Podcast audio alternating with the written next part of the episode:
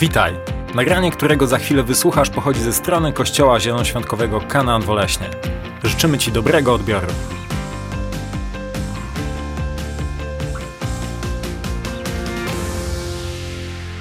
Jesteśmy w takiej serii, która nazywa się Kościół, do którego chodziłby Chrystus i Kościół, do którego Chrystus by nie chodził. Oczywiście ktoś wczoraj zadał takie pytanie chyba na Facebooku, czy Chrystus chodziłby w ogóle do Kościoła. No to, to jest bardzo dobre pytanie.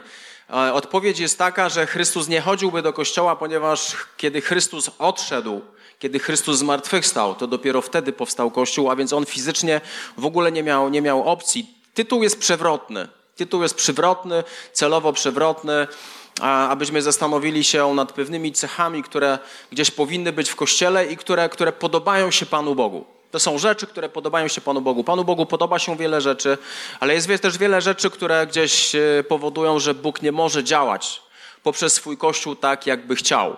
I dzisiaj, e, kontynuując tą serię Kościół, do którego chodził, nie chodziłby Chrystus, to Kościół, który, który żyje w takim napięciu. Jest Kościół, który szanuje przeszłość, ale to jest również Kościół, który spodziewa się dobrej przyszłości. Z jednej strony szanuje przeszłość, a z drugiej strony, z drugiej strony spodziewa się dobrej przyszłości. I to jest, to jest to napięcie, które jest ciągle i ciągle w Kościele. A jedna i druga rzecz, i przeszłość, i przyszłość może stać się pułapką, bo nie możemy być ludźmi, którzy zapominają o tym, o swojej przeszłości, o przeszłości tego, co już się dokonało. My musimy o tym ciągle pamiętać. Tak de facto wdzięczność w naszym życiu wytwarza się dlatego, że my jesteśmy wdzięczni za to, co Bóg już zrobił, co Bóg już uczynił. I chciałbym, abyśmy dzisiaj e, porozmawiali sobie o tym, o czym Kościół wiedzieć, pamiętać powinien i o czym Kościół, czego Kościół powinien się spodziewać. Pierwsza rzecz, której Kościół, o której Kościół powinien pamiętać, to też budzi wdzięczność w każdym z nas, to są cuda, których Bóg dokonał w przeszłości Kościoła. To są cuda, które Bóg dokonał w przeszłości Kościoła. Kiedy mówię o przeszłości Kościoła, to de facto mówię o Twojej przeszłości. Mówię o przeszłości każdego człowieka, który w pewnym momencie swojego życia poddał swoje życie Jezusowi Chrystusowi i zaczęła się Twoja historia z Panem Bogiem. Psalm 103, werset od 2 do 5, piękny psalm napisany przez Dawida, gdzie jest napisane tak. Błogosław moja duszo Pana i nie zapomnij o żadnym Jego dobrodziejstwie. I za chwilę, za chwilę w tym psalmie są wypowiadane dobrodziejstwa, dobre rzeczy, które Bóg czyni względem nas. To On przebacza wszystkie Twoje winy. To On leczy wszystkie Twoje choroby. On wykupuje od zguby Twoje życie. On Cię wieńczy łaską i współczuciem. On nasyca dobrem Twoją codzienność. To jest piękne, że Bóg każdego dnia to słowo codzienność, on każdego dnia chce nasycać dobrem Twoje życie, tak że Twoja młodość odnawia się jak u orła. I to jest cały eliksir, to jest cały eliksir na młodość. A więc docenianie Bożych dobrodziejstw, doświadczanie Bożych dobrodziejstw, pokładanie ufności w Panu Bogu powoduje, że nasza młodość, nasza młodość się odnawia. A więc Kościół, Kościół powinien pamiętać, o tym, w jaki sposób powstał i powinien być wdzięczny Panu Bogu. Kościół powinien pamiętać o cudach, które dokonywały się w tym miejscu, które dokonywały się w Kościele, o cudach zbawienia ludzi, przemiany życia. Przemiany życia ludzi, którzy byli uzależnieni od wielu rzeczy, i ta przemiana następuje w taki sposób, że ci ludzie na, na dzień dzisiejszy są zupełnie innymi ludźmi. Są przede wszystkim ludźmi wolnymi, ludźmi, którzy należą do Jezusa Chrystusa. Kościół powinien pamiętać również, tak jak tak jak Psalm 103 mówi o tym, że Kościół powinien pamiętać, że On uzdrawia wszystkie Twoje choroby. Powinien pamiętać, powinien pamiętać o cudach uzdrowienia, które dokonywały się w jego, życia, w jego życiu. Kościół powinien pamiętać o cudach przemienionego życia. O cudach przemienionego życia i Kościół powinien pamiętać również o, o cudach finansowych. Jeśli my w pewnym momencie zapomnimy o tym, co Bóg czynił, to nie mamy platformy na przyszłość. My musimy być wdzięczni, bo Bóg jest ciągle i ciągle takim samym Bogiem. Jeśli On był wierny rok temu, dwa lata temu, pięć lat temu, dziesięć lat temu, to dlaczego nasz Bóg nie miałby być wierny ciągle i ciągle i ciągle i ciągle? I kiedy mówię o cudach, że Kościół powinien pamiętać o cudach, to powiem Wam, chciałbym powiedzieć, że potrzebuję jednego cudu, ale ja potrzebuję pięciu cudów. Ja na tą chwilę potrzebuję pięciu cudów. fizycznie, w ponadnaturalny sposób. Nie wiem, jak Bóg to zrobi, ale potrzebuję pięciu cudów. Napięcie, które jest w moim życiu, jest potężne, ale nie chcę rozmawiać o moim napięciu, ale chcę spodziewać się tego, że Bóg ma dobre rzeczy, ponieważ On, On nigdy mnie nie zawiódł. Jeśli żyjesz z Bogiem, to On nigdy, nigdy cię nie zawiedzie. Kościół po drugie powinien pamiętać o procesie, w jakim są ludzie. Ludzie, jak, ludzie nie są doskonali w kościołach. Ludzie mają swoje błędy, ludzie mają swoje ułomności, ludzie mają swoje słabości. I Psalm 103, wersety od 12 do 16, to jest piękna rzecz, o której powiedział Dawid. Powiedział tak: Jak daleko wschód leży od zachodu, tak daleko On oddali od nas nasze nieprawości i jak ojciec lituje się nad dziećmi, tak Pan lituje się nad tymi, którzy się Go boją. Bo On zna całą naszą kruchość. On pamięta, że jesteśmy tylko prochem. I rzeczywiście dni człowieka są jak trawa, on sam, on, a On sam kwitnie jak kwiat polny. Wystarczy, że zawieje wiatr, a już Go nie ma. Nie widać Go na Jego dawnym miejscu. To jest niesamowite, w jaki sposób Bóg wyraża się o człowieku. Bóg pokazuje, że On lituje się nad tymi, którzy się Go boją. Co to znaczy bać się Boga? Bać się Boga to oznacza szanować Go, okazywać Mu szacunek i żyć życiem, które jest Jemu poddane. Bo On zna całą naszą kruchość. Bóg wie, że jesteśmy krusi. Bóg wie, że jesteśmy delikatni. Bóg o tym wie, Bóg to rozumie. On pamięta, że jesteśmy prochem i rzeczywiście dni człowieka, mówi psalmista, są jak trawa. On sam kwitnie jak kwiat polny i wystarczy, że zawieje wiatr, a już go nie ma, nie widać go na jego dawnym miejscu. My musimy być świadomi, że Kościół Jezusa Chrystusa, to jest ważne, aby Kościół Jezusa Chrystusa pamiętał, że ma do czynienia z ludźmi, którzy są niedoskonali i ma, ma, musi mieć świadomość, że wszyscy, ale to wszyscy, wszyscy, wszyscy jesteśmy w procesie przemiany. Problem, problem w naszym życiu polega na tym, kiedy proces się zatrzymuje i my nie idziemy już dalej. Ale jeśli my upadamy i idziemy dalej, upadamy i idziemy dalej, idziemy dalej, czasami upadniemy, ale idziemy dalej, to jest właściwy proces. Niewłaściwy proces to jest moment, kiedy my już się zatrzymujemy, stoimy w miejscu i co ma być, to ma być. Ale Bóg, Bóg przez swój Kościół chce pokazywać jedną rzecz że On jest Bogiem, który przebacza nasze upadki, że On jest Bogiem, który rozumie nasze słabości i On jest Bogiem, który zrekompensuje nasze słabości. Bóg jest Bogiem, który rozumie czasami nasze upadki, nasze grzechy, ale On jest Bogiem, kiedy tylko my pokutujemy, przychodzimy do Niego i On nam przebacza. Bóg jest Bogiem, który, który rozumie nasze nałogi i zniewolenia. Ale Bóg nie chce, abyś był zniewolony czymkolwiek. Chrystus przyniósł totalną, ale to totalną wolność. I Kościół Jezusa Chrystusa powinien pamiętać o tym, że ludzie przechodzą przez różne sezony w swoim życiu przez różne sezony w swoim życiu. Kiedy popatrzysz na pory roku, to masz wiosnę, masz lato, tak jak teraz, masz jesień i masz zimę.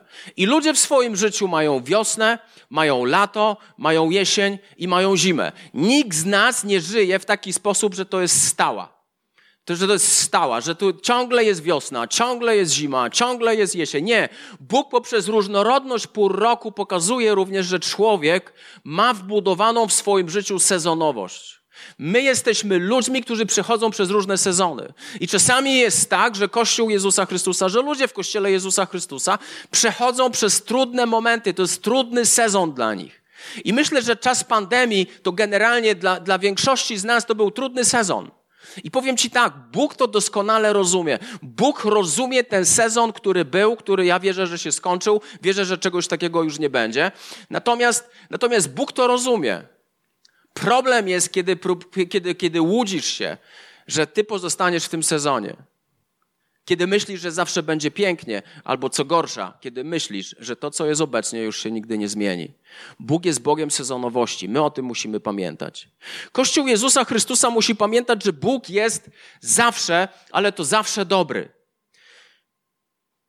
Pewien, pewien kaznodzieja powiedział taką rzecz. Nigdy nie położę koncepcji Bożej dobroci na ołtarzu ludzkiego rozumowania z powodu braku odpowiedzi na moją modlitwę. To jest piękne zdanie. Nigdy nie położę koncepcji Bożej dobroci na ołtarzu ludzkiego rozumowania z powodu braku odpowiedzi na moją modlitwę. Widzisz, czasami jest tak, że o coś się modlisz i przychodzisz do Boga i wyznajesz, że On jest dobrym Bogiem. Natomiast dzieją się różnego rodzaju okoliczności, że to, co się modlisz, się z jakiegoś powodu nie dzieje. I w tym momencie, w tym momencie wielu ludzi mówi, aha, czyli Bóg nie jest dobry. Nasza, nasze pojęcie dobroci Boga jest zawsze krótkoterminowe i totalnie ograniczone. My nie jesteśmy świadomi tego. My nie jesteśmy świadomi tego, na czym polega Boża dobroć. W jaki sposób Bóg wyraża. Bóg wyraża swoją dobroć względem nas. Bóg patrzy dalej, Bóg patrzy na przyszłość. I jest to ważna zasada, jeśli my w naszym życiu wyrzucimy koncepcję, że Bóg jest dobry, a On jest dobry. Krzyż, krzyż Jezusa Chrystusa jest dowodem na to, że Bóg jest dobrym Bogiem. On jest dobrym Bogiem. On jest zawsze dobry i wszystko, co On robi, wszystko, co On robi, ma zawsze jasno określony cel. Wszystko, co On robi, jest zawsze nacechowane dobrocią w naszą stronę, pomimo, że my tego nie rozumiemy. Bo dobroć z ziemskiej perspektywy jest inną dobrocią niż dobroć z wiecznej perspektywy. I musimy po prostu zaufać w tym Bogu, ale Bóg jest dobrym Bogiem. Psalm 103, wersety od 8 do 10. Pan jest miłosierny i łaskawy, a wielka jest jego cierpliwość i łaska. On nie procesuje się bez końca i jego gniew nie trwa na wieki. I nie postępuje z nami według naszych grzechów, ani nam nie odpłaca według naszych win. To jest piękna rzecz. On jest miłosierny, on jest łaskawy. Tak jest opisany Bóg. On jest miłosierny, on jest łaskawy. Jego dobroć polega na jego miłosierdziu, polega na jego łaskawości. Taki jest nasz Bóg. I Kościół Jezusa Chrystusa, kiedy zapomni o tym kluczowym, jeśli ty w swoim życiu zapomnisz o tym kluczowym elemencie, że Bóg jest dobrym Bogiem, to nigdy nie będziesz wzrastał w zdrowy sposób. Dlatego, że świadomość tego, że Bóg jest dobrym Bogiem, że kiedy przychodzę się modlić i mam świadomość, że mój Bóg pozwala mi nazywać się Jego, swoim Ojcem, to kiedy ja przychodzę i modlę się, Ojcze mój, który jesteś w niebie, kiedy ja przychodzę do Niego i proszę Go o cokolwiek, musi w mojej głowie, w moim sercu być silne przekonanie, że On jest dobrym Bogiem. On jest dobrym Bogiem. To jest kluczowa rzecz, dlatego bardzo często jest tak, że koncepcja dobroci Boga przychodzi diabeł, to jest, to jest wróg, wróg Pana Boga, to jest również nasz wróg i Bóg, diabeł nie tylko oskarża nas, ale diabeł również oskarża Pana Boga, próbując zniekształcić Jego obraz. Nigdy nie zapomnij, że Bóg jest dobrym Bogiem i nigdy, nigdy, tak jak mówił ten cytat, nie, nigdy nie połóż koncepcji Bożej dobroci na, na ołtarzu ludzkiego rozumowania z powodu braku odpowiedzi na modlitwę. List do Rzymian, 8 rozdział, werset 28, Biblia mówi tak. A wiemy, że kochającym Boga to jest tym, którzy są powołani zgodnie z Jego planem, wszystko służy ku dobremu. To jest piękny werset. A wiemy, że kochającym Boga to jest tym, którzy są powołani zgodnie z Jego planem, wszystko służy ku dobremu. A więc powinniśmy być ludźmi, powinniśmy być ludźmi, którzy pamiętają o tym, jakich Bóg, jakich, jakich Bóg cudów dokonał w Twoim życiu. Powinniśmy być świadomi tego, że ludzie są w procesie, ludzie są w różnych sezonach. Tak naprawdę zmiana w naszym życiu zależy od tego, na ile współpracujemy z Panem Bogiem. Powinniśmy być świadomi, że nasz Bóg jest zawsze dobrym Bogiem i On się nigdy nie zmienia, On jest ciągle taki sam. To jest, to jest bardzo ważny element. I powinniśmy być też tego świadomi, że nasza przeszłość, nasze dobre rzeczy, które już się dokonały w naszym życiu, mogą stać się dla nas pułapką. One mogą stać się dla nas pułapką. W czwartej księdze Mojżeszowej czytamy taką historię na temat tego, że Izraelici byli nieposłuszni Bogu. I to się często zdarzało. I kiedy oni byli nieposłuszni nie, nie, nie posłuszni Panu Bogu, to w tym momencie, w tym momencie, na tej pustyni, jakby Bóg podniósł swoje ręce, którymi ochraniał Izrael i w tym momencie wszystkie węże, które były na pustyni, może nie wszystkie, ale spora część z nich, zaczęły kąsać Izraelitów. I każdego, którego one ukąsały, ten człowiek umierał. I w tym momencie Mojżesz, który tam stał, mówi: Boże, ratuj tych ludzi. Ratuj. Oni zgrzeszyli, ale ratuj tych ludzi.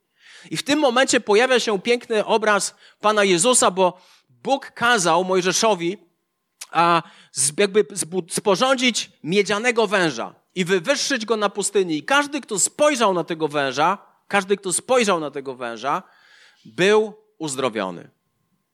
I ta historia pokazuje nam piękno działanie Pana Boga. Ale Bóg nigdy nie chce, abyśmy my budowali pomniki naszej przeszłości.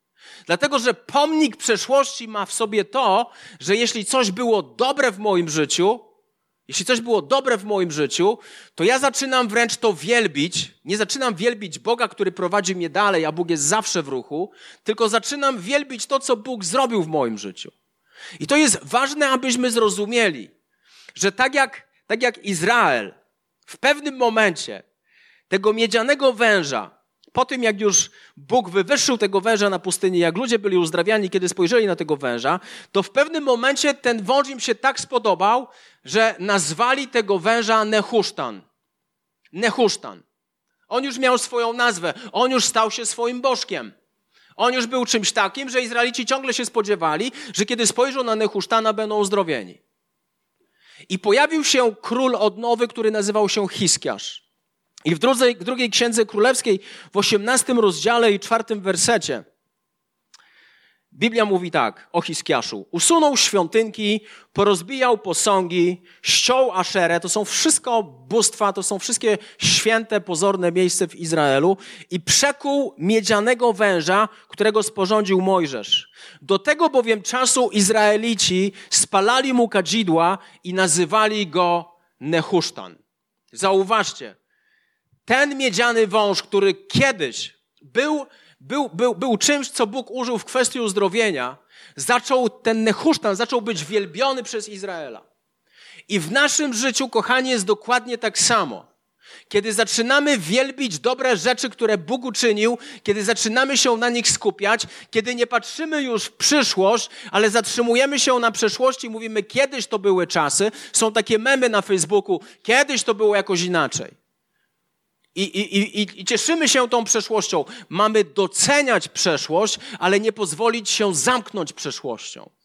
Bo Bóg nas prowadzi dalej. Bóg nie chce, abyśmy budowali nehusztany. I ostatnia rzecz, o której Kościół powinien pamiętać, to jest to, że Bóg jest Bogiem gór i Bóg jest Bogiem dolin. Pierwsza Księga Królewska, 20 rozdział, 28 werset. Wtedy do króla Izraela podszedł mąż Boży ze słowami. Tak mówi Pan, ponieważ Aramejczycy uznali, że Pan jest Bogiem gór, lecz nie jest Bogiem dolin, wydam całą tą wielką hordę w Twoje ręce i poznacie, że ja jestem Pan. Aramejczycy w pewnym momencie przegrali bitwę. Przegrali tą bitwę w taki sposób, że ta bitwa była toczona w górach. I Izrael wygrał w górach. A więc Aramejczycy doszli do wniosku, że Bóg jest Bogiem, tylko Bogiem gór. On nie jest Bogiem dolin. Ale chcę Wam coś powiedzieć. O tym musi pamiętać Kościół Jezusa Chrystusa cały czas. O tym musisz pamiętać Ty. Bóg jest Bogiem gór, dobrych momentów, wspaniałych momentów, niesamowitych momentów, dobrych rzeczy, ale On jest również Bogiem dolin. On jest również Bogiem dolin.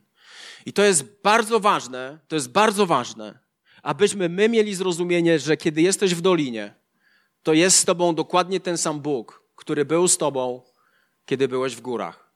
I Bóg, który jest w górze, to jest dokładnie ten sam Bóg, który jest z tobą w dolinie. Psalm 23, chyba najbardziej popularny psalm, podobno śpiewany na Titaniku, kiedy, się, kiedy Titanic już był zatopiony, kiedy, się, kiedy schodził już pod wodę to ten psalm 23 mówi: Pan jest moim pasterzem.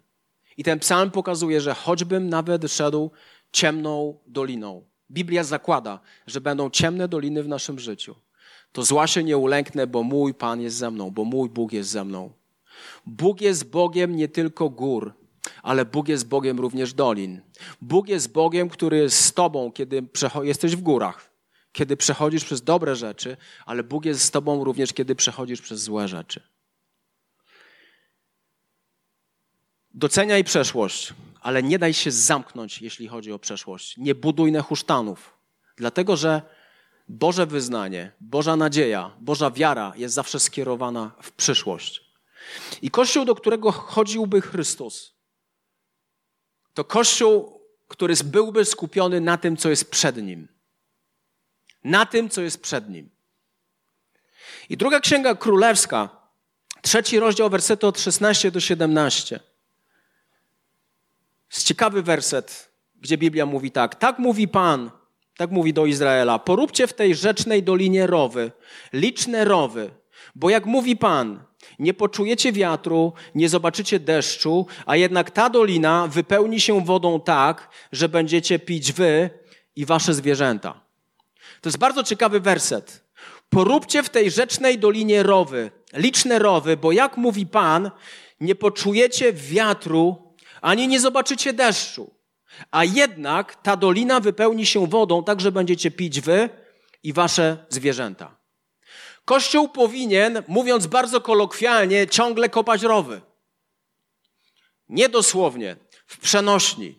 Ale Kościół powinien ciągle i ciągle robić rzeczy, o których Bóg mówi, aby ten Kościół robił pewne rzeczy, aby Bóg mógł w ponadnaturalny sposób wypełnić wodą te rowy. Mamy ciągle i ciągle kopać rowy, bez względu na to, jak to brzmi, ale Kościół jest powołany do kopania rowów, aby Bóg mógł przyjść ze swoją wodą, aby Bóg mógł przyjść ze swoim błogosławieństwem. A więc jak powinien funkcjonować Kościół odnośnie przyszłości? Po pierwsze, Kościół powinien spodziewać się dobrych rzeczy. My się zawsze czegoś spodziewamy. Budzisz się rano i ciągle się czegoś spodziewasz. Ciągle i ciągle żyjesz w świecie, że się czegoś spodziewasz.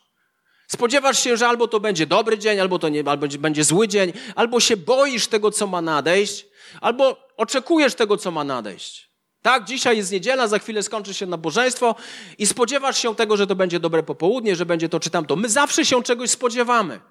Zawsze się czegoś spodziewamy, czasami dobrych rzeczy, czasami złych rzeczy. Ale Kościół musi się spodziewać dobrych rzeczy, ponieważ Księga Jeremiasza, 29 rozdział, werset 11, Biblia mówi tak: Ja wiem, jakie wiąże z wami plany, oświadcza Pan.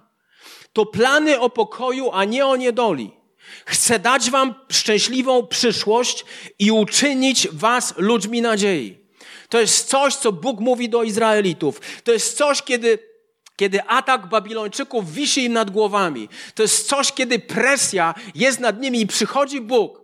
Przychodzi Bóg i mówi: Ja wiem, jakie myśli mam o Was. To są myśli o pokoju, to nie są myśli o niedoli. Chcę dać Wam szczęśliwą przyszłość i uczynić Was ludźmi nadziei. To jest coś, co Bóg ma względem nas. My mamy spodziewać się dobrych rzeczy. List do Efezjan, trzeci rozdział, dwudziesty werset. I dzisiaj w czasie uwielbienia jakby moje serce zostało poruszone do tego, aby spojrzeć na ten werset, który wam teraz przeczytam, ponieważ to jest coś, czego ja się teraz spodziewam. Ja spodziewam się dobrych rzeczy. Spodziewam się Bożych cudów. Spodziewam się Bożych przełomów. Spodziewam się Bożego sposobu rozwiązywania pewnych kwestii, które są niebywale, niebywale trudne. Efezjan 3:20. Temu zaś, który według mocy działającej w nas może uczynić o wiele więcej ponad to wszystko, o co prosimy lub o czym myślimy. Bóg jest w stanie uczynić o wiele więcej. Ponad wszystko, co jestem w stanie sobie wyobrazić, ponad wszystko, co jestem w stanie wykombinować, ponad każdy mój scenariusz, ponad każdą moją prośbę modlitewną, Bóg chce uczynić coś o wiele większego. Bóg chce uczynić coś ponad więcej. Ja się tego spodziewam. I Kościół powinien funkcjonować w czymś takim. Kościół powinien być miejscem, gdzie, gdzie, gdzie ekspresja wiary to jest oczekiwanie dobrych rzeczy. To jest oczekiwanie dobrych rzeczy. Po drugie, Kościół Jezusa Chrystusa wyznaje dobre rzeczy. To ma takie znaczenie, co my mówimy. To ma potężne znaczenie, co my mówimy. My czasami sami możemy swoimi słowami zabić wszystko, co dobre w nas. Kiedy ja czytam Boże Słowo i staram się czytać Boże Słowo każdego dnia, zawsze, zawsze, ja się zawsze czuję lepiej po tym, jak poczytam Biblię. Zawsze. Naprawdę zawsze. Zawsze, kiedy czytam Biblię, kiedy zapisuję sobie to, co, co wierzę, że Bóg do mnie mówi, to zawsze mnie buduje. To zawsze mnie inspiruje. To zawsze powoduje we mnie wiarę. Ale, ale wiem, że moją słabością jest to, że czasami to, co dzieje się w mojej głowie, zaczynam artykułować na zewnątrz. I czasami w mojej głowie jest świat rzeczy negatywnych i pozytywnych. I uczę się tego, aby nie wypowiadać negatywnych rzeczy na zewnątrz, aby nie zakwaszać innych. Ale ja po prostu, to, to jest moja słabość. To jest, to jest ten proces, w którym ja również jestem. To się musi zmienić w moim, w moim życiu. Ja nie mogę marudzić, ja nie mogę narzekać, ja nie mogę kombinować, ja nie mogę wymyślać i nie mogę powodować, że negatywne rzeczy wychodzą z mojego serca. Ja muszę być człowiekiem, który buduje, buduje w swoim życiu pozytywny świat. Ewangelia Marka, 5 rozdział, werset od 25 do 29. Wtedy pojawiła się pewna kobieta, od 12 lat cierpiała na krwotok. Dużo przeszła z powodu wielu lekarzy. Na leczenie wydała wszystko, co miała i nic jej nie pomogło. Stan jej się raczej pogorszył. Gdy usłyszała o Jezusie, podeszła w tłumie z tyłu i dotknęła jego szaty, bo powtarzała sobie. To jest ciekawe, co ona sobie powtarzała. Jeśli bym dotknęła choćby jego szat, będę uratowana. I rzeczywiście jej krwotok natychmiast ustał i poczuła na ciele, że to koniec jej udręki. Powtarzała sobie. Ona powtarzała sobie jedną rzecz. Jeśli dotknę szaty Chrystusa, będę uzdrowiona. Ja wam, ja, wam, ja wam coś powiem. To jest moja decyzja, co ja będę sobie powtarzał. To jest moja decyzja, co ja będę wyznawał i co będę sobie powtarzał. Ona powtarzała sobie, jeśli dotknę szaty Jezusa, to będę uzdrowiona. Kościół Jezusa Chrystusa, kiedy spodziewa się dobrej przyszłości, musi myśleć nad tym, co mówi. Musi wypowiadać rzeczy, które nie zabijają wiary. Musi wypowiadać rzeczy, które nie niszczą wiary, ale musi wypowiadać rzeczy, które, które promują Pana Boga, które wywyższają Boga, które oddają Mu chwałę. Co sobie powtarzasz? No nie, to już tak, tak jest, no tak, tak już jest. No tak już jest, to już się, no tak, tak już jest, no nic się nie zmieni. No, no Panie Boże, takiego mnie stworzyłeś, no taki już jestem. No, powiem wam, dwa tygodnie temu trzymaliśmy z moją żoną informację od, od pewnej kobiety w Polsce. Kobieta, która, którą spotkaliśmy, o którą się gdzieś modliliśmy, i ta kobieta przez dwa lata cierpiała na depresję. Kliniczną depresję. Dwa miesiące spędziła w szpitalu psychiatrycznym, patrząc po prostu na zamknięty pokój, patrząc, nie widząc w ogóle nadziei. Kiedy wypuszczono ją z tego szpitala, była w stanie przyjść do kościoła, była jednym z liderów grup domowych w kościele, była naprawdę kobietą żyjącą dla Pana Boga. I nagle pojawił się czas doliny. Nagle pojawił się czas doliny. I ona w pewnym momencie coś zaskoczyło w jej życiu, że, że Bóg chce ją uzdrowić. I zaczęła swój umysł wypełniać tym, co Bóg myśli na temat depresji. Zaczęła myśleć o tym, co Bóg myśli na temat depresji. Zaczęła wyznawać to, że Bóg jest Bogiem, który jest lekarzem, Bóg jest Bogiem, który chce ją uzdrowić. I tydzień bądź dwa tygodnie temu, ja nie pamiętam, wybaczcie, przysłała nam informację ze zdjęciem z nadmorza i mówi: Słuchajcie, po dwóch latach jestem całkowicie zdrową osobą. Jestem całkowicie zdrową osobą. Bóg całkowicie mnie uzdrowił. W pewnym momencie zrozumiałam, że mój Bóg jest Bogiem, który chce mnie uzdrowić. I zaczęłam myśleć nad tym, co wypowiadam. Zaczęłam myśleć nad tym, w co ja w ogóle wierzę. I doznała totalnego, totalnego uzdrowienia. Diabeł ciągle i ciągle próbuje zatrzymać cię w miejscu i próbuje zmusić cię do tego, abyś, abyś sam się nakręcał w negatywny sposób. Pomyśl o tym, co by było o tej kobiecie, która od 12 lat cierpiała na krwotok. Gdyby ona ciągle opowiadała o jaka jestem chora, jaka jestem biedna, jaka jestem chora, to to był ból. To jest frustracja. To jest ciężkie, to jest udręka. Natomiast w pewnym momencie ona, ona podjęła wyzwanie i zaczęła sobie powtarzać: Boże, może nie mówiła Boże, ale jeśli dotknę szaty Jezusa, to będę całkowicie uzdrowiona. Salomon powiedział w 18 rozdziale przypowieści Salomona, 21 werset: Śmierć i życie są w mocy języka. Kto umie się nim posługiwać, korzysta z jego owocu. I znowu przypowieści Salomona, 12 rozdział, 14 werset. Z owocu ust człowiek nasyca się dobrem, a dokonania jego rąk wrócą do niego. Z owocu ust człowiek nasyca się dobrem. Czym nasycasz swoje wnętrze?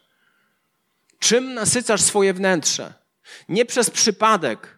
Biblia wzywa nas do tego, abyśmy wyznawali Boże Słowo. Abyśmy czytali Boże Słowo czasami na głos, bo to, co wypowiadasz, nasyca Twoje wnętrze. Nasyca Twoje wnętrze. Kolejna rzecz, myśl o dobrych rzeczach. Kościół musi myśleć o dobrych rzeczach. List do Filipian, czwarty rozdział, ósmy werset. W końcu, bracia, rozmyślajcie o tym, co jest prawdziwe, co jest szlachetne, co jest sprawiedliwe, co jest czyste, co jest miłe, co jest godne polecenia i może uchodzić za wzór i zasługuje na uznanie. Myśl w dobry sposób. Myśl w pozytywny sposób. Wyznawaj pozytywne rzeczy, wyznawaj Boże rzeczy. Kiedy mówię o pozytywnych rzeczach, to nie to, że jestem wspaniały, cudowny, budzisz się rano, jestem wspaniały, cudowny. To nie o to chodzi. Wyznawaj to, co Biblia mówi na twój, twój temat. To, co Biblia mówi na temat Twojej sytuacji i, oraz miej, miej tą świadomość, aby myśleć o dobrych rzeczach. Żeby myśleć o dobrych rzeczach, musisz swój umysł wypełniać Bożym Słowem, Bożymi rzeczami. To jest tak istotne, to jest tak istotne to, czego słuchasz, co pozwalasz, aby wchodziło do Twojej głowy, co, aby, co, co ma wchodzić do Twojego serca. Kolejna rzecz, Kościół musi mieć wizję dla swojej przyszłości. Przypowieści Salomona, 29 rozdział, werset 18, gdzie brak objawienia, tam lud się rozprzęga, kto przestrzega prawa, ten ma szczęście. Gdzie brak objawienia, to jest hebrajskie słowo kazon, gdzie nie ma, gdzie nie ma, gdzie nie ma wizji, gdzie nie ma planu na przyszłość, Bożego planu na przyszłość. Tam lud się rozprzęga. Kościół, kościół, który nie rozumie, co Bóg chce robić w kościele, co Bóg, co Bóg chce robić przez ten kościół. Kiedy kościół przestaje to rozumieć, to w tym momencie dochodzi do rozprzężenia, bo ludzie nie, wie, nie wiedzą, co mają robić. Życie chrześcijańskie wielu ludzi polega w taki sposób, że jeśli my w moim, naszym życiu nie mamy żadnych planów związanych z Panem Bogiem, że tak jak jest, jest dobrze, nie chcę niczego więcej. Powiem ci tak. Na pewno dopóki żyjesz, to nie jest Boża wola dla twojego życia. Bóg ma coś dla ciebie. On ma coś dla ciebie. Ciągle i ciągle, dopóki żyjesz, będziesz wypełniał wizję, którą Bóg ma dla ciebie. To przeznaczenie, które Bóg ma dla ciebie. Bóg jeszcze z tobą nie skończył. Wręcz przeciwnie, Bóg ma ciągle co najlepsze przed tobą. Ja, ja, jest, ja nie, nie rozumiem chrześcijaństwa. Nie rozumiem chrześcijaństwa. Nie rozumiem Kościoła, który w pewnym momencie się zatrzymał i stwierdza, no, to wszystko, co już mieliśmy do zrobienia, to już zrobiliśmy, teraz oczekujemy. Ale na co oczekujesz? Bóg jest ciągle w ruchu. Bóg ciągle idzie do przodu. Bóg ustanowił czas, który idzie do przodu. I Bóg jest Bogiem, który też idzie ciągle do przodu. Popatrz na historię całego świata. Ciągle się coś dzieje, bo Bóg jest Bogiem ruchu. I On chce, abyśmy my ciągle i ciągle i ciągle i ciągle byli w ruchu. Nie ma emerytury w Bożym Królestwie. Tak naprawdę nie ma emerytury w wielu, wielu krajach. W większości krajów nie ma emerytury. Dlatego, że ludzie na emeryturze nagle masz takie poczucie, że no, no, co ty masz teraz robić? Potrzebujesz, nawet na emeryturze, potrzebujesz mieć wizję, co zrobić dosłownie już z resztką Twojego życia. Co zrobisz z resztką Twojego życia? Nie myśl sobie, nie myśl sobie, że Bożą wolą jest to, że to, co już osiągnąłeś, to, co już zrobiłeś z Panem Bogiem, to jest wszystko. Są takie spotkania chrześcijańskie, że ludzie spotykają się razem i opowiadają, jak to kiedyś fajnie było. Fajnie. Fajnie, wiem, wiem, że było fajnie. Jesteśmy Bogu wdzięczni za to, jak było, ale On idzie do przodu. On chce, abyśmy patrzyli ciągle i ciągle do przodu. I Kościół Jezusa Chrystusa potrafi się ostać w dniu złym. Potrafi się ostać w dniu złym. Ewangelia Mateusza, 16 rozdział, werset 18.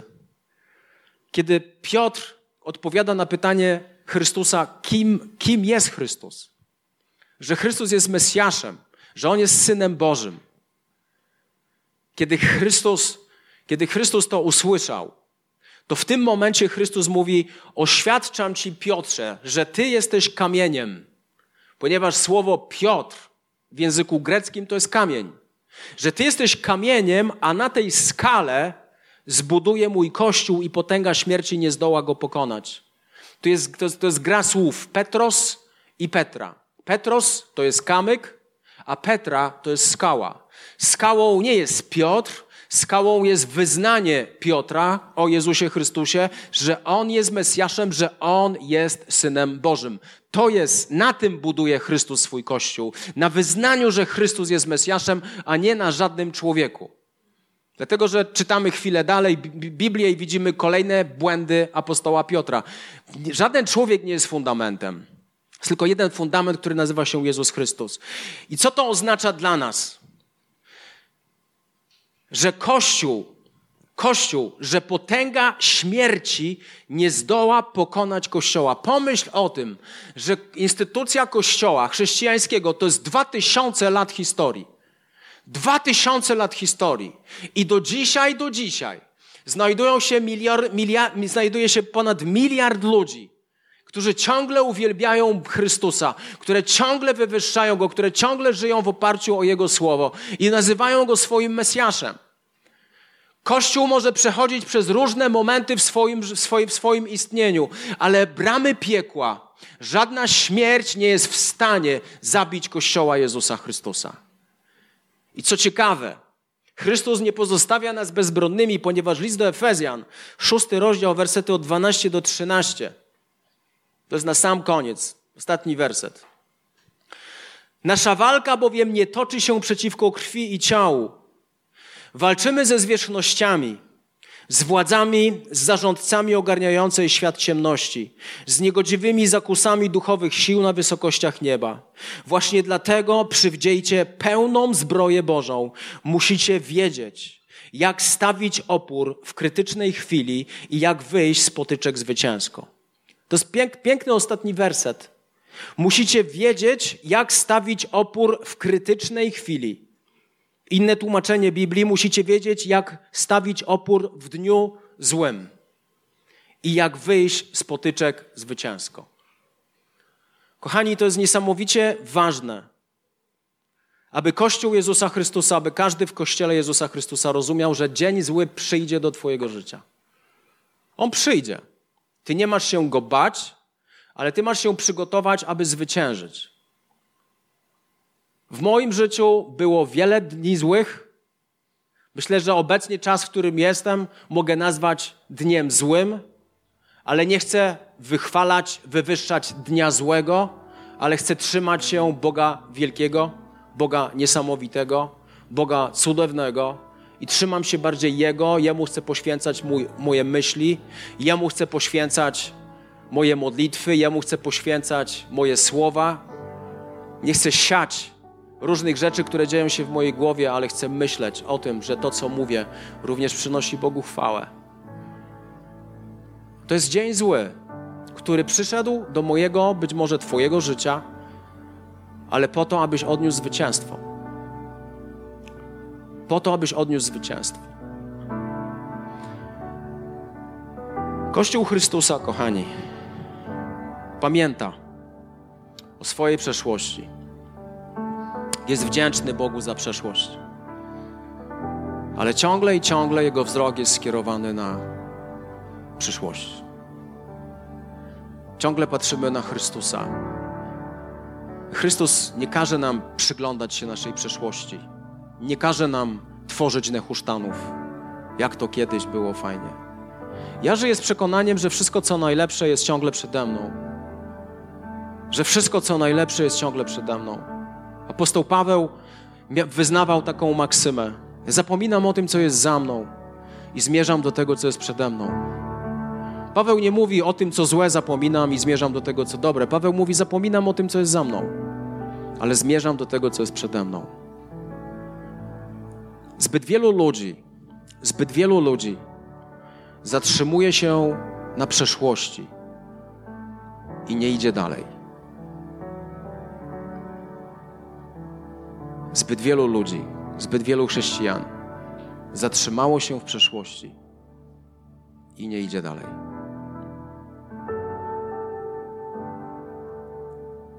Jeśli coś się zatrzymuje, to de facto się cofa. Jeśli coś się zatrzymuje, to de facto się cofa. Bóg chce, abyś pamiętał o pewnych rzeczach, które On w jaki sposób powiedział Tobie na temat Twojej przyszłości. I On naprawdę wszystko, co najlepsze ma przed Tobą. Myśl o tym, o czym myślisz. Myśl o tym, co mówisz. Myśl o tym, czego słuchasz. Myśl o tym, czym wypełniasz swoje serce. Chciałem się, kochani, pomodlić. Chciałem się pomodlić. To jest taka piękna modlitwa, że Bóg jest Bogiem, który najlepsze rzeczy ma ciągle przed nami. Jesteśmy, Boże, Ci wdzięczni za to, co było, ale wiemy, że masz coś o wiele więcej. I zawsze, skoro Bóg jest Bogiem dolin i gór, to jeśli byłeś kiedykolwiek w górach, to pomiędzy jedną górą a drugą górą jest dolina. Ja, ja wiem, co to znaczy być na Bożej Górze. Tam jest pięknie, tam wszystko jest proste, tam wszystko płynie w taki prosty sposób. Bez Twojego wysiłku, bez Twojego potu, widzisz tylko Boże cuda, widzisz Bożą przychylność. I tam jest pięknie. I później schodzisz w dół, i ten Bóg, który był z Tobą na górze, On jest z Tobą w dolinie, ale wierzę, że On prowadzi Cię do kolejnej góry. Oczekuję Bożej góry. Oczekuję Bożych przełomów. Oczekuję Bożych cudów. Jestem wdzięczny Bogu. To jest moje paliwo. Wdzięczność jest moim paliwem. Wdzięczność jest moim paliwem. Czas uwielbienia to jest moja wdzięczność do Boga. To jest uwielbianie Go, wywyższanie Go za to, co On już zrobił. Ale z drugiej strony wiem, że są dobre rzeczy ciągle przede mną. Wiem, że Bóg ma ciągle i ciągle dobre rzeczy przed nami, bez względu na to, co się dzieje w Twoim życiu. Jeśli, jeśli, jeśli chcesz dzisiaj skupić się na tym, co Bóg ma przed Tobą, to proszę pomóc się, pomóc się ze mną. Pomóc się ze mną. Panie Jezu, ja przychodzę, święty królu, dzisiaj i chcę się modlić, Boże Wszechmogący, aby przyszła Twoja łaska, aby przyszło Twoje błogosławieństwo. Przyjdź, święty Panie i święty królu, i spraw, abyśmy nie stali się niewolnikami przeszłości, ale, ale, ale żebyśmy byli wdzięczni Tobie za przeszłość. Panie, my jesteśmy wdzięczni, jestem Tobie wdzięczny za wszystkie rzeczy, które widziałem, których doświadczyłem, których mogłem doświadczać. Jestem Ci za to wdzięczny, ale z drugiej strony nie chcę stać się niewolnikiem. Niewolnikiem tego, co było, ale chcę patrzeć na to, co Ty masz dla mnie. Chcę patrzeć na to, co jest przede mną. I wiem, że rzeczy, które masz przede mną, są dobre, są bardzo dobre. I modlę się teraz do każdą osobę, która słucha tego kazania i w jakikolwiek sposób jest poruszona przez Ciebie, abyśmy zapomnieli o tym, co jest za mną, za nami i zmierzali do tego, co jest przed nami. Niech Twoje imię, Jezu, będzie uwielbione, błogosławione i wywyższone. Dzięki Ci, Królu. Być może jesteś, jesteś w takim miejscu,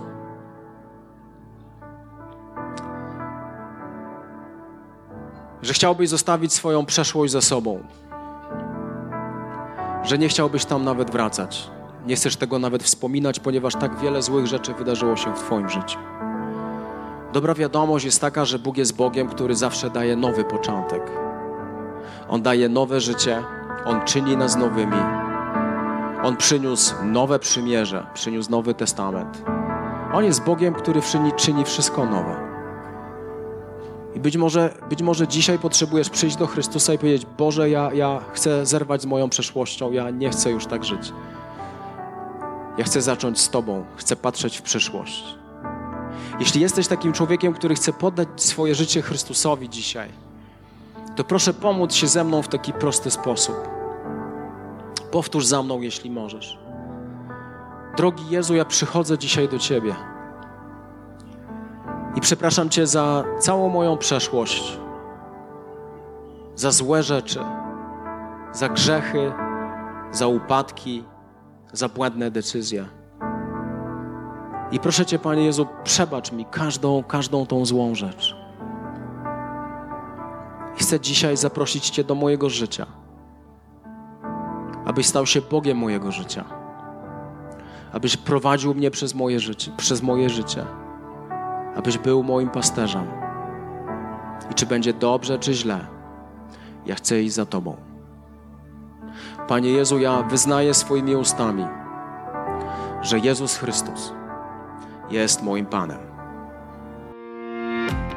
Witaj ponownie. Dziękujemy za wysłuchanie tego nagrania i mamy nadzieję, że pomoże Ci ono zbliżyć się do Boga. Jeśli dziś podejmujesz decyzję o zaufaniu Jezusowi i uznaniu Go Twoim Zbawicielem, to chcemy Ci pogratulować. Modlimy się o Boże działanie w Twoim życiu i zapraszamy Cię serdecznie do Kanaanu, ponieważ wierzymy, że Kościół, czyli wspólnota wierzących ludzi, to najlepsze miejsce do wzrostu i rozwoju duchowego. Szczegóły dotyczące naszych spotkań znajdziesz na stronie www.kanan.pl oraz w naszych mediach społecznościowych.